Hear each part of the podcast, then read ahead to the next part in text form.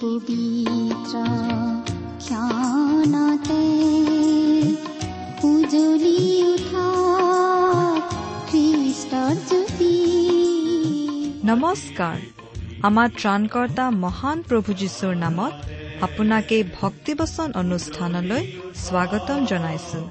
এয়া মুকলি কৰিছো ঈশ্বৰৰ জীৱিত বাক্যৰ ধাৰাবাহিক অনুষ্ঠান ভক্তিবচন।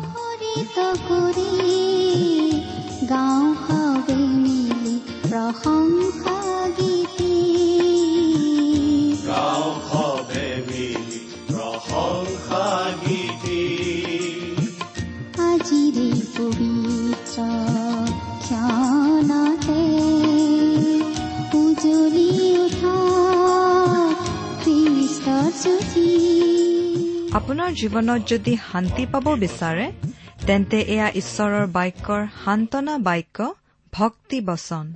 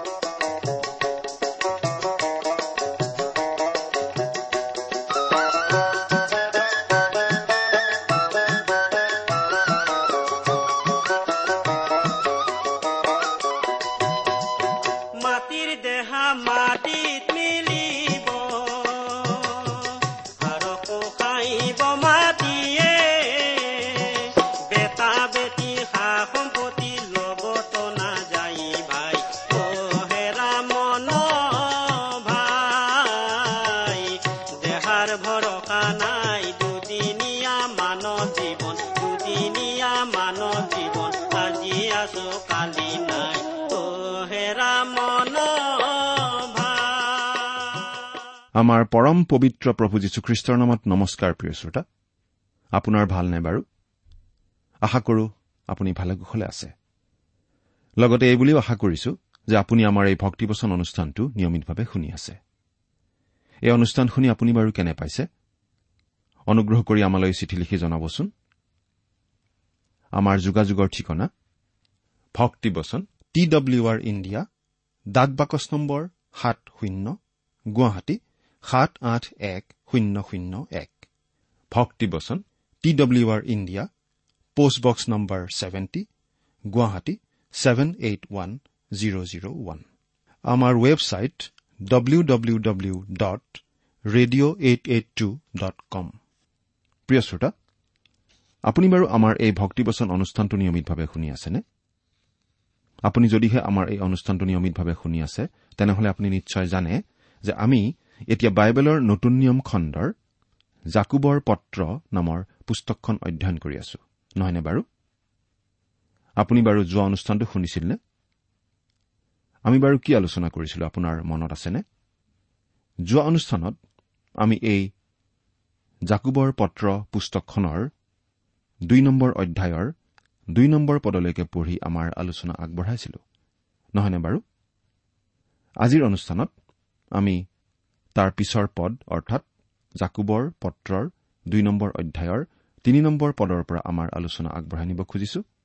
এই জাকুবৰ পত্ৰখন হৈছে এখন চিঠি আৰু ইয়াত খ্ৰীষ্টীয় বিশ্বাসৰ বিভিন্ন প্ৰয়োজনীয় ব্যৱহাৰিক কথা আমি পঢ়িবলৈ পাওঁ। প্ৰতিজন খ্ৰীষ্টীয় বিশ্বাসীৰ বাবে ইয়াত বিশেষ ব্যৱহাৰিক উপদেশ আছে। জাকুবৰ পত্ৰত আমি এতিয়া যিটো বিষয় আলোচনা কৰি আছো সেইটো হৈছে ঈশ্বৰে আমাৰ বিশ্বাস পৰীক্ষা কৰে। আমি আন মানুহৰ ক্ষেত্ৰত কেনে ব্যৱহাৰ কৰো তাৰ ভিত্তিত। অৰ্থাৎ আন মানুহৰ প্ৰতি আমাৰ কেনেকুৱা ব্যৱহাৰ সেইটোৱেই আমাৰ বিশ্বাসৰ কথাটো প্ৰদৰ্শন কৰে প্ৰমাণ কৰে। যোৱা অনুষ্ঠানৰ শেষৰ পিনে আমি এই কথা আলোচনা কৰি আছিলো যে খ্ৰীষ্টীয় বিশ্বাসীৰ মাজত ধনী দুখীয়াৰ কোনো প্ৰভেদ থাকিব নালাগে। মানুহৰ সাজ পোছাক চাই আমি মানুহৰ প্ৰতি ব্যৱহাৰ কৰিব নালাগে। আহক এতিয়া তাৰ পিছৰ পৰা আমি অধ্যয়ন কৰি যাওঁ। জাকুব দুই নম্বৰ অধ্যায়ৰ দুই আৰু তিনি নম্বৰ পদ পাঠ কৰি দিম। ইয়াত এনেদৰে লিখা আছে কিয়নো তোমালোকৰ নামঘৰলৈ সোণৰ আঙঠি আৰু উজ্জ্বল বস্ত্ৰেৰে এজন মানুহ আহিলে আৰু মলিন বস্ত্ৰেৰে দৰিদ্ৰ এজনো আহিলে পাছে তোমালোকে যদি সেই উজ্জ্বল বস্ত্ৰ পিন্ধাজনৰ মুখ চাই কোৱা যে আপুনি ইয়াতে স্বচ্ছন্দে বহক আৰু যদি সেই দৰিদ্ৰজনক কোৱা সৌখিনিতে থিয় হৈ থাক নাইবা মোৰ এই ভৰি পীড়াৰ তলতে বহ। আহকচোন আমি আলোচনা আৰম্ভ কৰাৰ আগতে সদায় কৰি অহাৰ নিচিনাকৈ খন্তেক প্ৰাৰ্থনাত মূৰ দুৱাওঁ। স্বৰ্গত থকা মহান পিতৃ ঈশ্বৰ তোমাক ধন্যবাদ দিছো কিয়নো তুমি আমাক আকৌ এটা নতুন দিন দেখিবলৈ দিছা।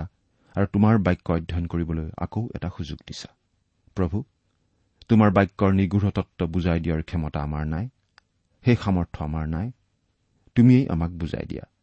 আমাৰ প্ৰয়োজন অনুসাৰে তুমিয়েই আমাৰ প্ৰত্যেককে বুজাই দিয়া আৰু তোমাৰ মাত আমাক শুনিবলৈ দিয়া। কিয়নো এই প্ৰাৰ্থনা আমাৰ মহান ত্ৰাণকৰ্তা মৃত্যুঞ্জয় প্ৰভু যীশুখ্ৰীষ্টৰ নামত আগবঢ়াইছো। আমেন।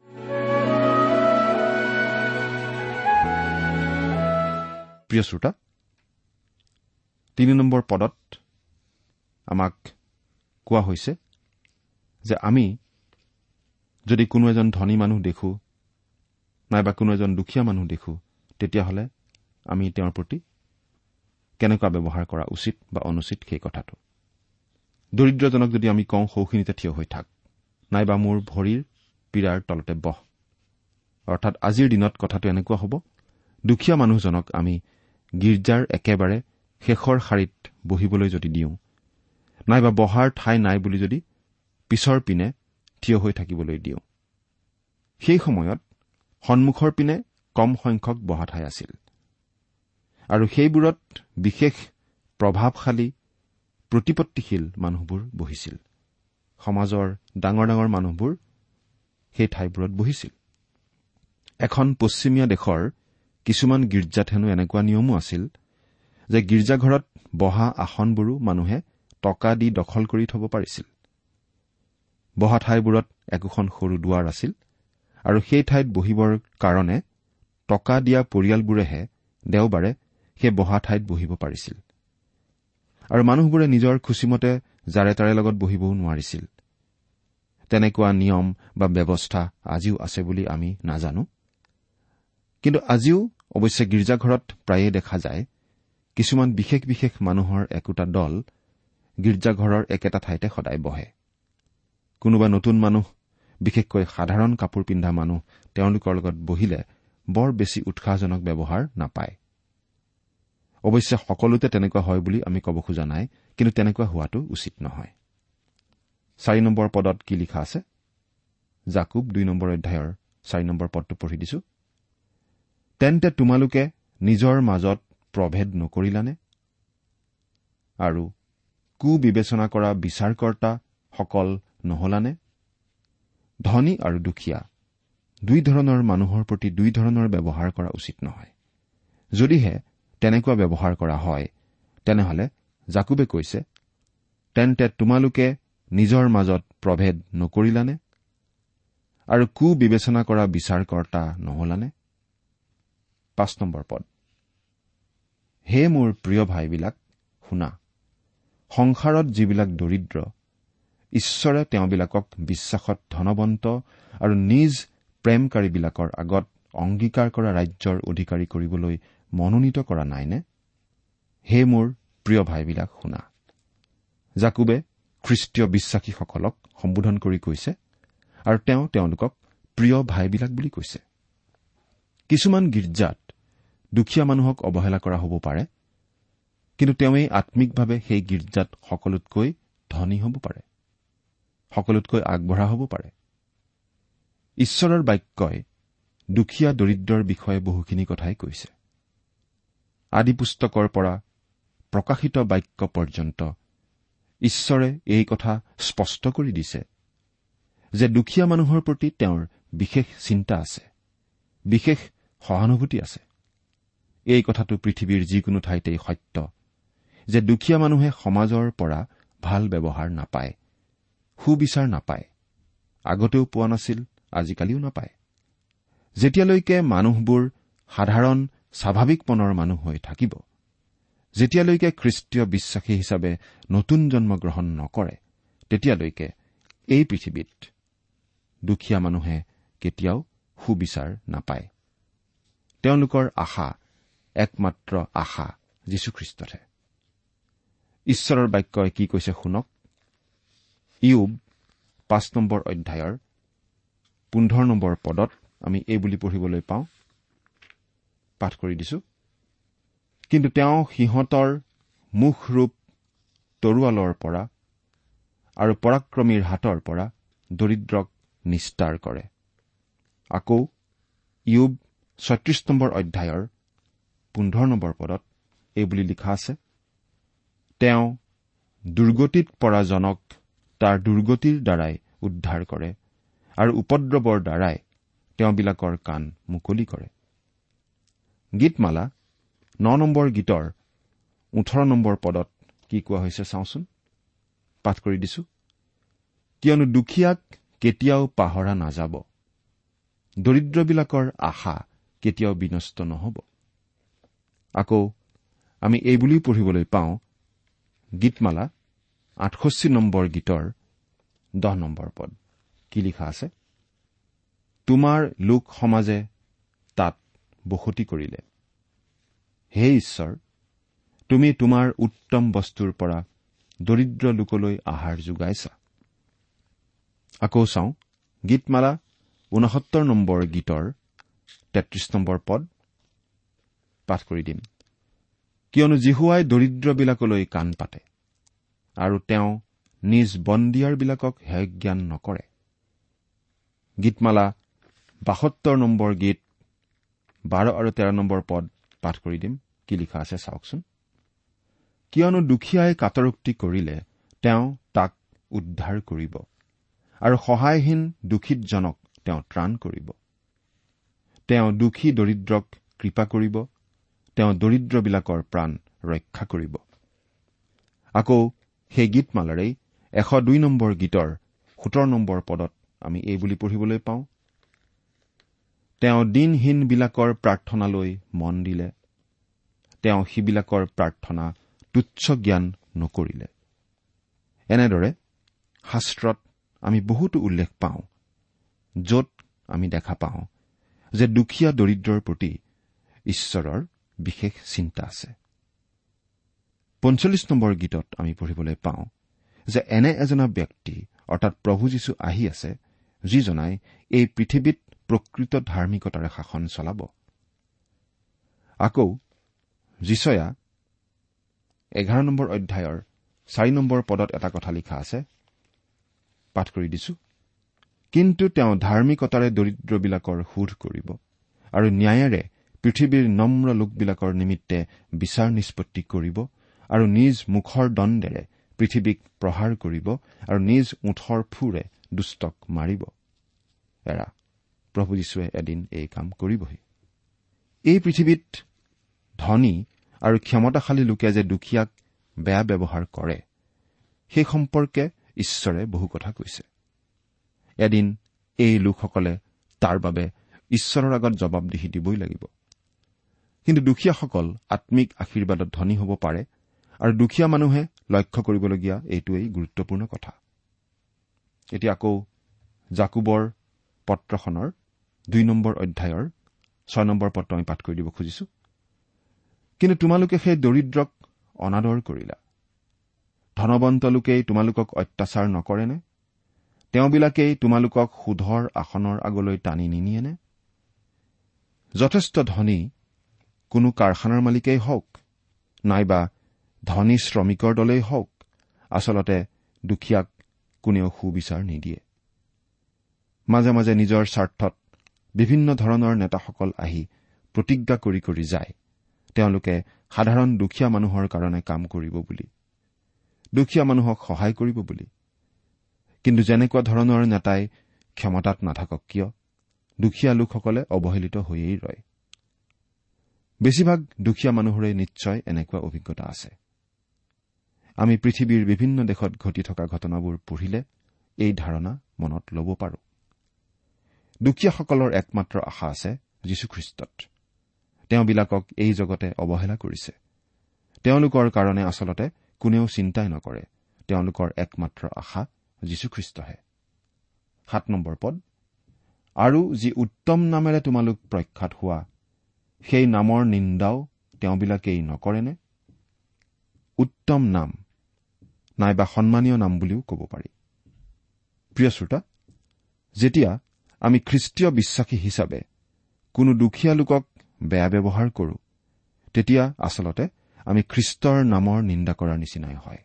এই কথাটো আমি মনত ৰখা উচিত। আঠ নম্বৰ পদ। কিন্তু তোমাৰ চুবুৰীয়াক নিজৰ নিচিনাকৈ প্ৰেম কৰিবা। শাস্ত্ৰৰ এই ৰাজকীয় ব্যৱস্থা যদি তোমালোকে সিদ্ধ কৰা তেন্তে ভাল কৰিছা। যদি আপুনি ঈশ্বৰক সন্তুষ্ট কৰিব বিচাৰে যদি তেওঁৰ বাধ্য হৈ চলিব বিচাৰে যদি আপোনাৰ দায়িত্ব পালন কৰিব বিচাৰে আপুনি কি কৰা উচিত? সেইটো জাকুবে অতি পৰিষ্কাৰভাৱে জনাই দিছে। তোমাৰ চুবুৰীয়াক নিজৰ নিচিনাকৈ প্ৰেম কৰিবা। আচলতে মুচিৰ সমগ্ৰ বিধানৰ মানুহৰ দিশত থকা দায়িত্বখিনিৰ সাৰমৰ্ম এয়েই। তোমাৰ চুবুৰীয়াক নিজৰ নিচিনাকৈ প্ৰেম কৰা। ন নম্বৰ পদ। কিন্তু যদি পক্ষপাত কৰা তেন্তে পাপ কৰিছা আৰু আজ্ঞা লংঘনকাৰী বুলি বিধানৰ দ্বাৰাই দোষী কৰা হৈছে। ধনী দুখীয়াৰ মাজত প্ৰভেদ ৰাখি কাম কৰাটো বিধানে দোষে। কোনো লোকে ক'ব পাৰে মই কেতিয়াও নৰবধ কৰা নাই। মই কেতিয়াও ব্যভিচাৰ কৰা নাই। আপুনি কৰা নাই নিশ্চয়? এতিয়া জাকুবে কি কৈছে শুনকচোন। দহ নম্বৰ পদ। কিয়নো যিকোনোৱে সকলো আজ্ঞা পালন কৰি কিন্তু এটাত তেওঁৰ ত্ৰুটি হয় তেওঁ সকলোতে দোষী হল। জাকুবে আচলতে এইটো কোৱা নাই যে যদি আপুনি এটা আজ্ঞা ভংগ কৰে তেতিয়াহ'লে আপুনি গোটেইকেইটা আজ্ঞাই ভংগ কৰে। তেওঁ এই বুলিহে কৈছে যে আপুনি আজ্ঞা লংঘনৰ দোষত দোষী। লাগিলে আপুনি যিটো আজ্ঞাই ভংগ নকৰক কিয়? বা আপুনি যিমানটা আজ্ঞাই লাগিলে ভংগ নকৰক কিয়? আপুনি আজ্ঞা লংঘনৰ দোষত দোষী। এজন মানুহে যদি নৰবধ কৰাৰ অপৰাধত জেলত থাকিবলগীয়া হয় তেতিয়া জেলৰ ভিতৰত যদি তেওঁ আন এজন মানুহৰ পিনে চাই কয় মই সৌজনৰ নিচিনা নাৰী ধৰ্ষণ কৰাটো নাই। মই সেই আইন কেতিয়াও ভংগ কৰা নাই। ঠিকেই বাৰু। কিন্তু তেওঁ কাৰাগাৰতেই আছে। কাৰণ তেওঁ নৰহত্যাকাৰী। কাৰাগাৰৰ ভিতৰত থকা এজন কয়দীয়ে আন এজন কয়দীক নিজতকৈ বেয়া বুলি ভবাটো বা বেছি জঘন্য অপৰাধী বুলি ভবাটো নিশ্চয় হাঁহি উঠা কথা। কিন্তু মানুহৰ মাজত তেনেকুৱা মনোবৃত্তি বিচাৰি আমি কোনো জেল বা কাৰাগাৰৰ ভিতৰলৈ যাব নালাগে। আমি কাৰাগাৰৰ বাহিৰতেই অসংখ্য মানুহ দেখা পাওঁ যিসকলে আন মানুহৰ প্ৰতি তেনেকুৱা মনোভাৱ প্ৰদৰ্শন কৰে। কিন্তু আমি সকলোৱেই ঈশ্বৰৰ আজ্ঞা লংঘনকাৰী যিকোনো এটা আজ্ঞা লংঘন কৰা মানেই আমি আজ্ঞা লংঘনকাৰী আমি পাপী। এঘাৰ নম্বৰ পদ। কিয়নো তুমি বেভিচাৰ নকৰিবা। ইয়াক যিজনাই কলে তুমি নৰবধ নকৰিবা তাকো সেইজনাই কলে। এই হেতুকে তুমি বেভিচাৰ নকৰিও যদি নৰবধ কৰা তেন্তে বিধান লংঘনকাৰী হলা। গোটেইকেইটা আজ্ঞা লংঘন কৰা মানেও আজ্ঞা লংঘনকাৰী আৰু এটা আজ্ঞা লংঘন কৰা মানেও আজ্ঞা লংঘনকাৰী বাৰ নম্বৰ পদ। যিবিলাকৰ সোধ বিচাৰ স্বাধীনতাস্বৰূপ বিধানৰ দ্বাৰাই হ'ব তোমালোকে নিজকেই তেনেকুৱা লোক জানি কথাও কোৱা কৰ্মকো কৰা। স্বাধীনতাস্বৰূপ বিধান মানে হৈছে খ্ৰীষ্টৰ বিধান। খ্ৰীষ্টৰ কিবা বিধান আছেনে বাৰু? প্ৰভু যীশুখ্ৰীষ্টই এই বুলি কৈছিল জোহন চৈধ্য নম্বৰ অধ্যায়ৰ পোন্ধৰ নম্বৰ পদত তোমালোকে যদি মোক প্ৰেম কৰা তেন্তে মোৰ আজ্ঞাবোৰ পালন কৰিবা। তেওঁৰনো আজ্ঞা কি? তেওঁৰ বিধাননো কি? জোহন পোন্ধৰ নম্বৰ অধ্যায়ৰ বাৰ নম্বৰ পদত এই বুলি লিখা আছে। প্ৰভু যীশুৱে কৈছিল মই যেনেকৈ তোমালোকক প্ৰেম কৰিলো তেনেকৈ তোমালোকেও পৰস্পৰে প্ৰেম কৰিবা। এই মোৰ আজ্ঞা। এইটোৱেই প্ৰভু যীশুৰ সকলোতকৈ ডাঙৰ আজ্ঞা। তেৰ নম্বৰ পদ। কিয়নো যিজনে দয়া নকৰিলে সুধ বিচাৰো তেওঁলৈ নিৰ্দয় হয়। দয়াই বিচাৰত জয়ী হৈ শ্লাঘা কৰে। এখন পশ্চিমীয়া দেশত এহাল অতি ধনী দম্পতী আছিল। এদিন তেওঁলোকৰ ঘৰত কিছুমান আলহী আহিছিল। আৰু কিবা এটা নতুন কৰাৰ মনেৰে তেওঁলোক এটা গীৰ্জাঘৰলৈ গৈ একেবাৰে পিছৰ পিনে বহি আছিল। তেওঁলোকে আচলতে তাৰ আগলৈকে ভালদৰে খ্ৰীষ্টৰ শুভবাৰ্তা শুনাই নাছিল। কিন্তু সেইদিনাখন সেই গীৰ্জাত বাৰ্তা শুনি তেওঁলোকে অতি ধনী মানুহ হোৱা সত্বেও অলপো সংকোচ নকৰাকৈ সাধাৰণ মানুহবোৰৰ লগত একেলগে আঁঠু কাঢ়ি খ্ৰীষ্টৰ শুভবাৰ্তা গ্ৰহণ কৰিলে। তেওঁলোক সম্পূৰ্ণৰূপে পৰিৱৰ্তিত হ'ল আৰু সেই ঠাইতে নিজাকৈ পৰিচৰ্যাৰ কাম আৰম্ভ কৰিলে। বিশেষকৈ সমস্যাত পৰা ছোৱালীবোৰৰ প্ৰতি তেওঁলোকে যি পৰিচৰ্যা আগবঢ়াইছিল সেই পৰিচৰ্যা অতি বিশ্ববিখ্যাত পৰিচৰ্যা হৈ পৰিছিল। এই কথাটো আমি বুজি পোৱা উচিত যে আমি নিজকে আনতকৈ ভাল বুলি ভবা আৰু আনক আমাতকৈ হীন বুলি ভবাটো পাপ। আমি কোন বা আন মানুহ কোন সেইটো আচল কথা নহয়। ঈশ্বৰৰ আগত আমি সকলো সমান সকলো পাপী। আৰু সেই ধনী স্বামী স্ত্ৰীহালৰ নিচিনাকৈ আমিও নিজকে পাপী বুলি মানি লৈ ক্ৰুচৰ ওচৰলৈ আহি খ্ৰীষ্টক নিজৰ ত্ৰাণকৰ্তা বুলি গ্ৰহণ কৰাহে উচিত।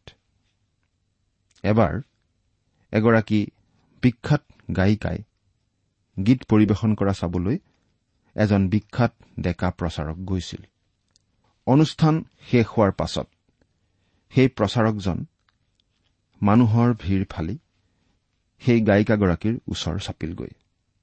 সেই প্ৰচাৰকজনে গায়িকাগৰাকীক কলে মহোদয়া আপুনি যেতিয়া গান গাই আছিল তেতিয়া মই মনতে এনেদৰে ভাবিছিলো। আপুনি যদি নিজকে আৰু আপোনাৰ এই প্ৰতিভা প্ৰভু যীশুখ্ৰীষ্টৰ প্ৰতি উৎসৰ্গিত কৰিলেহেঁতেন তেতিয়াহ'লে খ্ৰীষ্টৰ যথেষ্ট কামত আহিলহেঁতেন। কিন্তু আপুনিও আলিবাটৰ সকলোতকৈ মদপী নাইবা গণিকালয়ৰ গণিকাগৰাকীৰ সমানেই পাপী।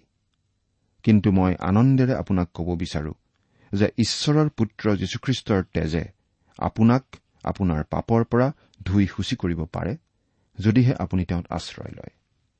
অলপ অহংকাৰৰ ভাৱেৰে সেই গায়িকাগৰাকীয়ে উত্তৰ দিলে আপুনি বৰ অভদ্ৰ কথা কৈছে। তেতিয়া প্ৰচাৰকজনে এই বুলি ক'লে আপোনাক অপমান বা আঘাত দিবলৈ মই কোৱা নাই কিন্তু মই প্ৰাৰ্থনা কৰিছো যাতে ঈশ্বৰৰ আত্মাই আপোনাক পতিয়ন নিয়ায় আপোনাৰ মনত বিশ্বাস জন্মায়। সেইদিনা ৰাতি সেই গায়িকাগৰাকীৰ টোপনি নাহিল। পুৱা ৰাতি দুই বজাত তেওঁ বিচনাৰ কাষত আঁঠু কাঢ়ি খ্ৰীষ্টক ত্ৰাণকৰ্তা হিচাপে গ্ৰহণ কৰিলে। আৰু তেওঁ আমাৰ অতি জনপ্ৰিয় এই গীতটি ৰচনা কৰিলে। যি দশাত আছো পুণ্য নাই কিন্তু তুমি মাতিছা মোক। তোমাৰ তেজত মোৰ ভৰসা খ্ৰীষ্ট মই তোমালৈ আহোঁ। যি দশাত আছো দুৰ্বলী অন্ধ দুখী আৰু কঙাল। নিজে ধুব নোৱাৰো মল। খ্ৰীষ্ট মই তোমালৈ আহোঁ। দশাত আছো ঠিক জানো। কেৱল তোমাৰ তেজত মুক্তি। সদায় তোমাৰে হবলৈ খ্ৰীষ্ট মই তোমালৈ আহোঁ। এৰা প্ৰিয় শ্ৰোতা ঠিক এনেকৈয়ে আমি খ্ৰীষ্টলৈ আহিব লাগে। আমি কেনেকুৱা অৱস্থাত আছো? আমি কেনেকুৱা মানুহ? আমি কিমান পাপী কিমান জঘন্য মানুহ সেই কথা আমি নিশ্চয় জানো। আৰু প্ৰভু যীশুখ্ৰীষ্টইও জানে। কিন্তু আমি তেনেভাৱেৰেই নিজৰ অৱস্থা স্বীকাৰ কৰি নিজক অসহায় বুলি মানি লৈ যদি খ্ৰীষ্টত আশ্ৰয় লওঁ তেওঁকেই আমাৰ উদ্ধাৰকৰ্তা পৰিত্ৰাতা প্ৰভু বুলি গ্ৰহণ কৰোঁ তেতিয়াহ'লে তেওঁ আমাক গ্ৰহণ কৰিব সকলো পাপৰ পৰা আমাক সূচী কৰিব আৰু নিজৰ সন্তান হিচাপে নতুন জন্ম তেওঁ আমাক দিব। আপুনি বাৰু আপোনাৰ জীৱন তেওঁতেই গতাই দিছেনে? ঈশ্বৰে আপোনাক আশীৰ্বাদ কৰক। আহমেন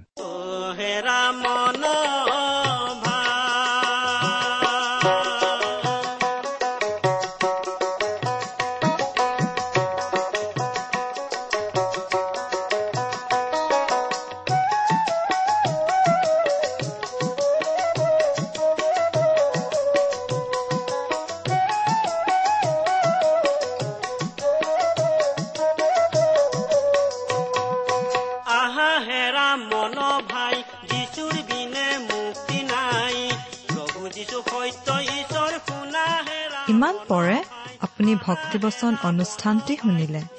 অনুষ্ঠানটি শুনি কেনে পালে আমালৈ চিঠি লিখি জনাবচোন। অনুষ্ঠানত প্ৰচাৰ কৰা কোনো কথা বুজিব লগা থাকিলেও আমালৈ লিখক। আমাৰ ঠিকনা ভক্তিবচন টি ডাব্লিউ আৰ ইণ্ডিয়া ডাক পাকচ নম্বৰ সাত শূন্য গুৱাহাটী সাত আঠ এক শূন্য শূন্য এক। ঠিকনাটো আৰু এবাৰ কৈছো।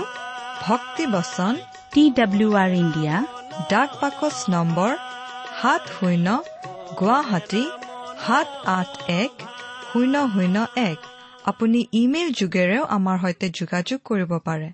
আমাৰ ইমেইল আইডিটো হৈছে Assamese T TV at radio' eight eight two dot com আইডিটো আকৌ এবাৰ কৈছো। Assamese T TV at radio' eight eight two dot com আপুনি টেলিফোনৰ মাধ্যমেৰেও আমাক যোগাযোগ কৰিব পাৰে। আমাৰ টেলিফোন নম্বৰটো হৈছে শূন্য তিনি ছয় এক দুই ছয় শূন্য চাৰি ছয় সাত এক। ফোন নম্বৰটো আকৌ এবাৰ কৈছো zero' three six one two six zero' four six seven one. আজিৰ অনুষ্ঠানটি ইমানতেই সামৰিছো। ঈশ্বৰৰ শান্তি আৰু অনুগ্ৰহ আপোনাৰ লগত থাকক। ধন্যবাদ।